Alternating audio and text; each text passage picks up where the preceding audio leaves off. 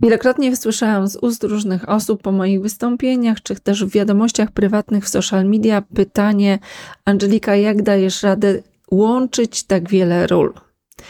No bo piszesz książki, prowadzisz firmę, prowadzisz podcast, y, social media, piszesz doktorat. Jak ty to robisz? Przy obciążeniu jeszcze takim, że masz rodzinę i trójkę dzieci.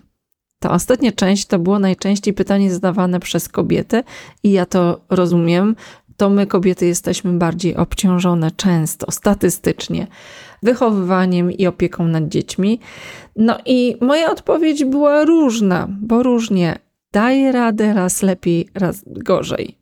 O tym, jak to wygląda w praktyce, można zobaczyć też w moim wystąpieniu na TEDx Warsaw Women, gdzie opowiadam o swoim nawróceniu z perfekcjonizmu właśnie po to, żeby dawać radę. I przyszedł taki moment w moim życiu, kiedy mogę szczerze powiedzieć, że już nie daję rady. I to zdarzyła się taka okoliczność, jaka zdarza się, mam nadzieję, rzadko, ale potrafi się zdarzyć, bo to jest trochę jak wielka powódź, która wydarzyła się w Polsce w 1997 roku. I jeżeli nie oglądałeś na Netflixie Wielkiej Wody, to szczerze ci polecam. A dla tych wszystkich, którzy oglądali, jest taka scena, gdzie Wrocław jest zalany i dwie kobiety leżą na dachu samochodu i patrzą na wielkie miasto, które jest całe pokryte wodą, jest powódź.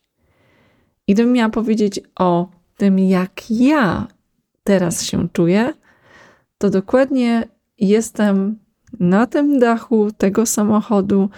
Dookoła mnie jest wielka woda, i ja sobie myślę, jaka piękna katastrofa, i tak nie daje rady.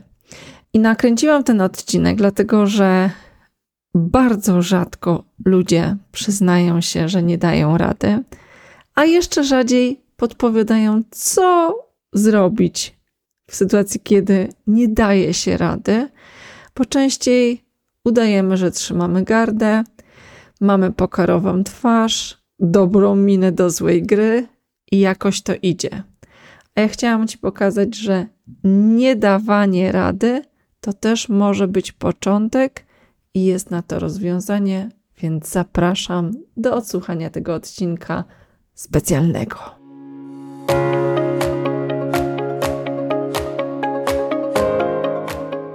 Dla tych, którzy tutaj są po raz pierwszy, ja nazywam się Angelika Chinkowska i na co dzień wspieram liderów w budowaniu silnych marek osobistych i firmowych.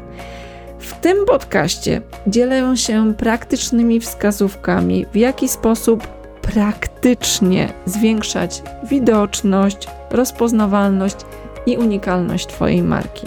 Tak jest zawsze. A dzisiaj jest temat wyjątkowy, chociaż z pewnej strony bardzo ważny również dla silnych marek, bo temat bardzo miękki i psychologiczny Dlatego zapraszam do wysłuchania go, bo ja wierzę, że to, o czym mówimy, jest elementem autentyczności i spójności, które jest unikalne na tle tego, co jest wykreowane i sztuczne.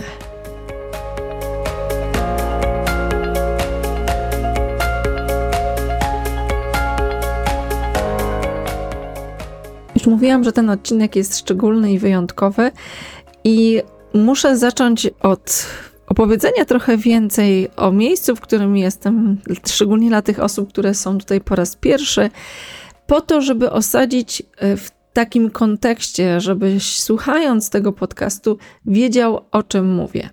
Na co dzień prowadzę firmę, prowadzę warsztaty, konsultacje, wystąpienia. Głównie pracuję z dużymi organizacjami, piszę doktorat z CEO brandingu i ostatnie pół roku było dla mnie bardzo intensywne. Jednocześnie bardzo dobre biznesowo. Przez pół roku tak naprawdę zarobiłam tyle, ile w zeszłym roku przez cały rok i świadomie zaplanowałam, że w, w połowie czerwca wyhamowuję dużą część aktywności. Mam 5 tygodni wakacji, zajmuję się doktoratem, robię rzeczy związane z planowaniem nowych aktywności, które zaczynają się od września. I wszystko prawie szło dobrym torem, to znaczy wakacje były prawie udane. Mówię prawie, dlatego że było bardzo gorące. Ja słabo znoszę upały, więc wróciłam zmęczona po wakacjach, ale tak czy siak był to fajny czas.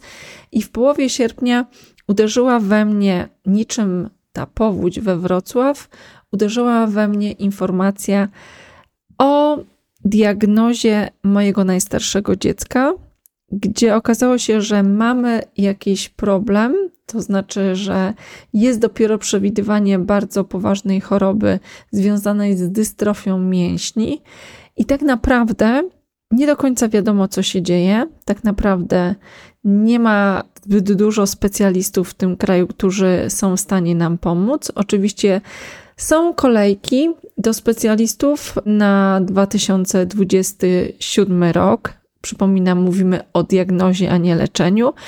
I pierwszy raz w swoim życiu od dłuższego czasu poczułam, że nie dam rady i nawet nie mam ochoty dawać rady.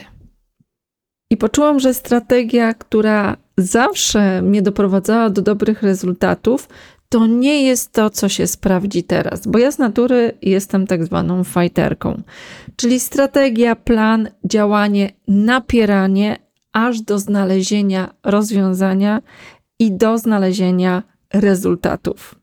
Natomiast to jest dobra strategia prawie do wszystkiego, ale nie do takich sytuacji granicznych, gdzie totalnie tracisz kontrolę, poczucie wpływu i możliwości działania.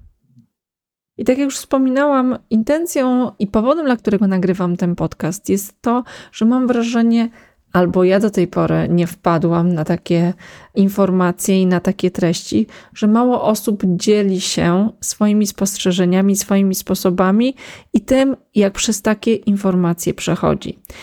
I obserwując na zewnątrz, dowiadując się o tym, że ktoś przechodził przez trudne chwile, a na zewnątrz to w ogóle tego nie było widać, bo dowiadujesz się o tym po fakcie, albo widzisz, że ktoś po cichutku zamyka projekty, przestaje realizować coś, o czym trąbił, to zaczynasz sklejać te puzzle i zaczynasz widzieć tak naprawdę lub domyślać się, co było za tym. I pracując w dużych organizacjach, często dochodząc do jakiejś ściany, dochodząc do jakiejś porażki, robiło się tak, że masowało się tego Excela, masowało się prezentacje i z porażki robiło się tak, że to wyglądało niemalże na sukces. Ludzie zaczynali zaklinać rzeczywistość, tworzyć alternatywną rzeczywistość i inspirować do tego, że tak naprawdę to tego nie chcieliśmy, a to powinno być tak. I to według mnie jest jeden ze sposobów na to, gdy spotyka nas coś przykrego, coś niekontrolowanego, coś na co nie mamy wpływu, w jaki sposób ludzie sobie radzą. Czyli pierwsza rzecz, zaklinanie rzeczywistości i masowanie jej tak, żeby z tego ulepić zupełnie coś innego. Druga rzecz, jaką widzę, to jest to, że ludzie walczą z tym, co ich spotyka w dużej samotności, lub uciekają w używki, lub zaczynają w pewien sposób zamykać się, wmawiając sobie w głowie, że prawdopodobnie i tak nikt im nie pomoże, muszę sobie poradzić z tym sam. Czytaj, pokazywanie, że jest mi trudno, jest objawem słabości, a przecież nikt nie chce utożsamiać się z kimś słabym. Trzecia rzecz to jest wyparcie. Wyparcie rzeczywistości do takiego momentu, w którym już nie da się udawać, że jest inaczej.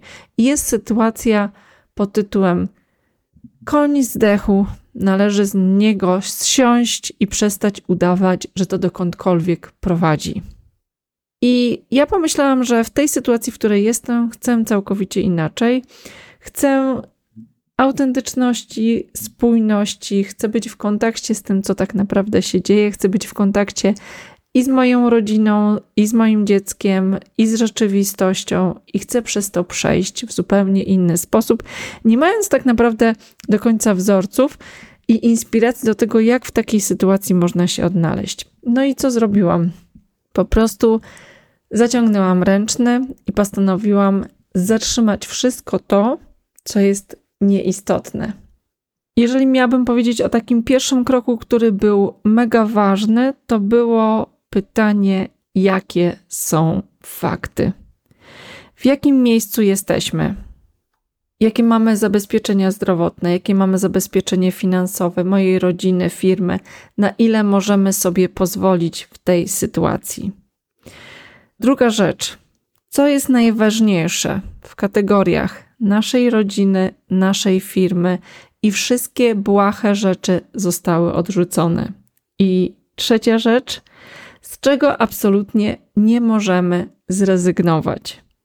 I po tym wszystkim, kiedy dużo czasu spędziłam nad rozmyślaniem, nad zastanawianiem się nad opcjami, nad tym, co zrobić, na ile mogę się wycofać, na ile nie, na ile mogę sobie pozwolić, żeby zatrzymać różne projekty. Usiadłam i zupełnie spokojnie zadałam sobie pytanie, jakby to mogło wyglądać, gdyby to było proste. Jakie mam zasoby? I tutaj pada moja taka nienawiść do słowa dasz radę. Dlatego, że często ludzie mówiąc dasz radę, powodują, że jesteśmy sami z tym dawaniem rady. Dasz radę oznacza, a zawsze sobie radziłeś, to i teraz sobie poradzisz, będzie dobrze, zostawiam to, poklepię cię po plecach i sobie pójdę. A ja tego tym razem nie chciałam. Ja wiedziałam, że tym razem absolutnie nie dam rady. I ja wiedziałam, że to dasz radę zostawia mnie w takiej samotności, która w tamtym momencie była dla mnie zbyt trudna i stwierdziłam, że to dam radę. Pewnie bym dała radę. Ja chcę zamienić na damy radę. Co w praktyce oznaczało, że uruchomiłam wszystkie moje możliwości, zasoby wszystkich moich przyjaciół, co w praktyce oznaczało, że emocje, które były bardzo trudne i silne, powodowało, że mnie odcinało i ja na przykład w środku dnia szłam na trzy godziny spać po to, żeby przeżyć pewne informacje, które do mnie docierały. I teraz po prawie miesiącu gdzie nadal jesteśmy w sytuacji powodzi, gdzie na razie nie mamy jeszcze ostatecznie diagnozy, gdzie jesteśmy po pewnych wynikach badań, kiedy ta fala uderzyła i przeszła, i ja leżę na tej wodzie, widzę trzy korzyści z niedawania rady dla mnie. Może dla ciebie, jeżeli jesteś osobą tego samego typu co ja, czyli typu Zosi Samosi, i wzorowej uczennicy. To po pierwsze, ta sytuacja spowodowała, że priorytet jest rzeczywiście priorytetem. Że nie ma już opcji wiele priorytetów, że jest rzecz najważniejsza i ona jest na tyle istotna, że wszystkie inne układają się wokół niej. I to jest takie uwalniające, bo przestajesz czuć presję tych innych rzeczy. Druga korzyść, jaką widzę, to to niedawanie rady spowodowało, że ja na nowo zaufałam i miałam czas na nabranie siły, na weryfikację zasobów. Pewnie trywialne jest powiedzenie, że prawdziwych przyjaciół poznaje się w biedzie, ale totalnie rzeczywiście tak się wydarzyło. I teraz to zaufanie jest takie, że ja leżąc na tej wodzie, mam takie przekonanie, że mogę ufać sobie, mogę ufać moim przyjaciołom, ufać Bogu i mogę leżeć i czekać, dokąd mnie ta woda przeniesie, wierząc, że w odpowiednim momencie pokieruję to w odpowiednią stronę. I trzecia rzecz, korzyści, jakie daje niedawanie rady, to jest bycie z emocjami, smakowanie tych kwaśnych owoców, trudnych emocji i pewna ambiwalencja. Ambiwalencja polegająca na tym, że zaskoczeniem dla mnie było to, że można czuć się jednocześnie dobrze, jednocześnie źle w kontekście jednego tematu. To znaczy, bardzo trudne jest dla mnie przeżywanie bezradności związanej z chorobą mojego dziecka, a z drugiej strony wspólnota, życzliwość od ludzi, której doświadczam, powoduje we mnie takie poczucie czegoś, co jest właśnie takie wspólnotowe, przynależnościowe, że to jest bardzo, bardzo karmiące. Dlaczego opowiadam Ci o tym w podcaście Silna Marka w praktyce? Dlatego, że uważam, że jednym z wymiarów siły jest odwaga do konfrontowania się z faktami i bycie w kontakcie z rzeczywistością. Że odporność psychiczna to kontakt z faktami, to umiejętność utrzymania się na wodzie, a nie tylko wtedy, kiedy jest ona spokojnym jeziorem, ale wtedy, kiedy jest zburzona i pojawia się w najmniej oczekiwanym momencie. Sytuacja, w której jestem, jeszcze bardziej mnie uodważnia i urealnia w tym samym czasie. Dlatego podcast będzie dalej szedł, ale nie będzie go w formie wideo, ponieważ forma wideo zajmuje mi więcej czasu. Będzie totalne skupienie na klientach, gdzie priorytet nadal jest jeden i niewiele się zmienia, ale tak naprawdę zmienia się wszystko, bo skupienie jest tutaj kluczowe.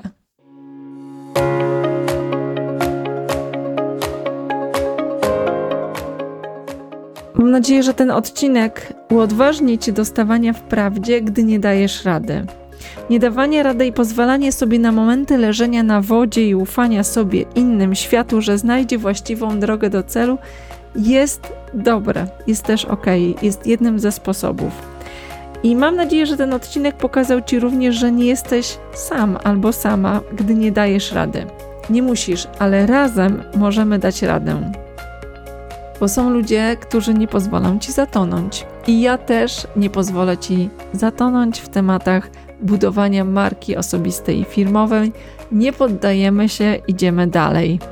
A jeżeli ten temat uważasz, że jest dotykający czegoś, co jest istotne i może być dla kogoś pomocny, to proszę prześlij osobie, którą kochasz, którą cenisz, którą lubisz lub której dobrze życzysz, nagranie do tego odcinka. Niech wie, że są też tacy, którzy nie dają rady, ale da coś się z tym zrobić, że to nie jest koniec świata, bo dalej, krok za krokiem, będziemy już szli dalej, ale w większej wspólnocie. Dziękuję Ci za wysłuchanie tego odcinka. Jestem ciekawa, co o tym myślisz. Za tydzień spotkamy się w tradycyjnych marketingowych tematach. Pozdrawiam Cię serdecznie. Wszystkiego dobrego. Angelika Chinkowska.